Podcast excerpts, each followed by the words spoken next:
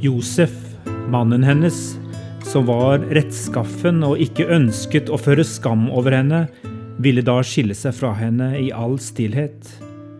Matteus 1,19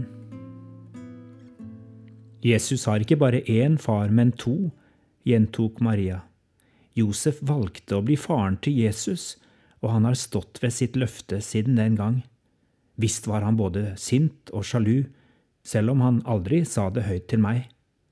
Først sjalu på denne mannen han ikke visste hvem var, som han trodde hadde vært sammen med meg bak hans rygg. Det var ikke lenger mulig å skjule at jeg var med barn. Hva skulle Josef gjøre? Da viste engelen seg for ham også.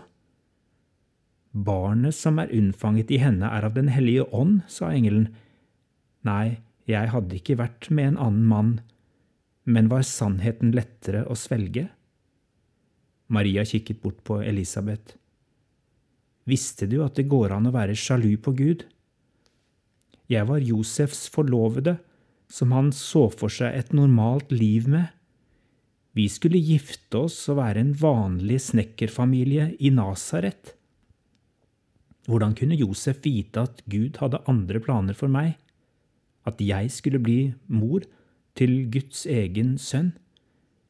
Nei, vi fikk ingen enkel start på ekteskapet vårt. Men Josef valgte å være hos meg helt til Jesus kom, og hver dag siden. Min trofaste mann, far til våre fire barn.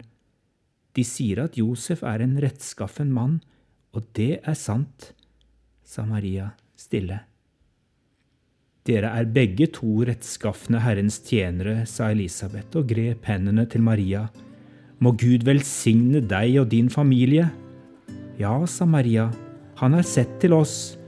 Fra slekt til slekt varer hans miskunn over dem som lar ham være herre.